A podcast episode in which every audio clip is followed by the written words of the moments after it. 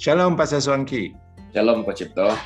Wow, Rabu malam lalu kita dicerahkan sama Pak Seswangki tentang kitab Nabi Yunus. Dan di dalam kitab Nabi Yunus itu kita mendengar uh, tentang bagaimana Tuhan beracara dengan orang Niniwe, yakni orang-orang yang jahat. Dan Tuhan berbuat baik dengan orang-orang jahat itu. Bagaimana sih ceritanya Pak Seswangki kok jadi bisa begitu? Wow, ternyata firman Tuhan itu luar biasa buat Cipto. Kita sekolah minggu, eh, Nabi Yunus ini ternyata memiliki kedalaman yang luar biasa dan juga banyak pencerahannya. Tapi kali ini saya hanya ambil satu angle saja, yaitu mengenai hati Tuhan versus hati kita. Hati Tuhan itu ternyata penuh dengan pengampunan seperti kita tahu semua. Sedangkan hati kita itu selalu menuntut keadilan. Uh, kalau kita lihat sendiri dengan bangsa Niniwe, itu itu bangsa yang jahat. Maka itu bangsa yang udah begitu jahat aja Tuhan itu ingin memberikan kesempatan untuk mereka itu bisa bertobat. Jadi dia ngutus Nabi Yunus dan untuk bisa memberikan kes, uh, pesan kepada bangsa Niniwe. Dan tugas ini berat sekali buat Nabi Yunus. Karena apa? Karena dia sangat benci sama bangsa ini. Karena bangsa Niniwe gitu jahat. Dan dia ingin mendapat kan dia ingin Niniwe itu mendapatkan pembalasan atas kejahatan mereka. Oleh karena itu, dia justru menghindar dari panggilannya Tuhan dan dia membukanya ke Niniwe malah ke Tarsis.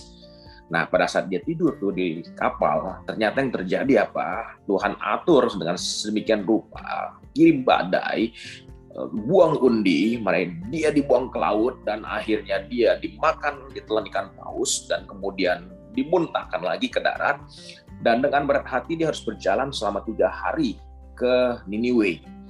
Dan itu pun dengan mending kalau setengah hati ya. Mungkin seperseratus hati kali ya kok ya. Dia sampaikan itu uh, satu pesan yang sangat pendek. Dalam 40 hari dari sekarang, Niniwe akan ditunggang balikan. Herannya itu ya, raja dan rakyatnya Niniwe itu bisa percaya dengan pesan pendek tanpa penjelasan kenapa, apa, bagaimana, oleh siapa, kapan, di mana. Dan langsung mereka respon dengan pertobatan, bahkan sampai kepada ternak-ternaknya. Dan kita tahu sebagaimana hati Tuhan saat itu juga mengampuni dan memulihkan bangsa Niniwe.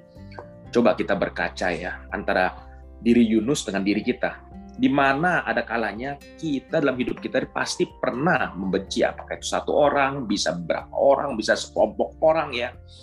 Dan biasanya pasti ada datang sebuah pesan karena kita ini punya roh Tuhan dalam hidup kita ya. Dan kesan yang di mana nah dalam hati kita itu untuk eh doain berkati lu orang yang kamu benci itu. Tapi umumnya pikiran kita tuh akan pasti menolak Malah kita akan berkata, biar orang yang kita benci itu bisa dapat balasan yang setimpal dengan kejahatannya. Itulah hati kita. Namun, hati Tuhan nggak demikian. Hati Tuhan itu justru penuh dengan kasih sayang, penuh dengan belas kasihan, panjang sabar, dan penuh dengan anugerah, kasih karunia. Satu tindakan perbuatan pertobatan aja seperti Niniwe itu ya itu akan membuat dia itu bukan hanya mengampuni bahkan dia pulihkan dan berkati itu. Bangsa atau orang sejahat apa pun itulah hati Tuhannya kita. Luar biasa ya nah sedangkan kita tahu kita tuh nggak mungkin mampu kok untuk bisa ngampuni orang jahat sama kita yang bisa memampukan itu karena kita punya roh Tuhan yang di dalam hidup kita itu. Itu yang memampukan kita. Mungkin awalnya berat sekali, tapi dia punya satu juta satu cara yang akhirnya mungkin dimulai hanya dengan satu doa pendek aja. Itu pun mungkin di dalam, di dalam hati doanya. Yang berkata, ampunilah mereka Tuhan. Tapi nanti kita akan lihat susulannya. Bisa-bisa di susulannya itu kita bisa melakukan hal yang baik juga.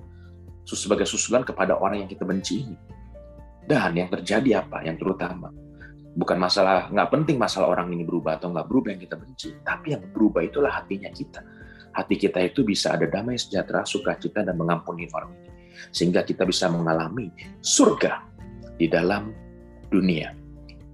Dan inilah luar biasanya hidup Tuhan di dalam hidupnya kita. Segala kemuliaan bagi Dia. Haleluya. Amin. Wow, Thank you ya Pastor Swangki. Suatu pesan yang berpotensi merubah hidup, merubah hidup orang-orang yang telah mendengar bahwa hati Tuhan itu sebenarnya seperti itu. Ingin memberkati orang-orang yang percaya kepadanya. Dan itu membuat orang itu bisa tidur enak, nyenyak di tengah satu ke keadaan yang tidak enak menerima kejahatan orang, tapi kita bisa memberkati orang yang berbuat jahat kepada kita. Karena kita mengenal hati Bapa dan sehingga damai sejahtera itu datang kepada kita, tidak peduli orang itu berubah atau tidak berubah terhadap kita. Thank you Pak Seswangki atas pencerahan ini, luar biasa. Ditunggu berikutnya ya Pak Seswangki, pencerahan-pencerahan berikutnya di Rabu malam. God bless you. God bless.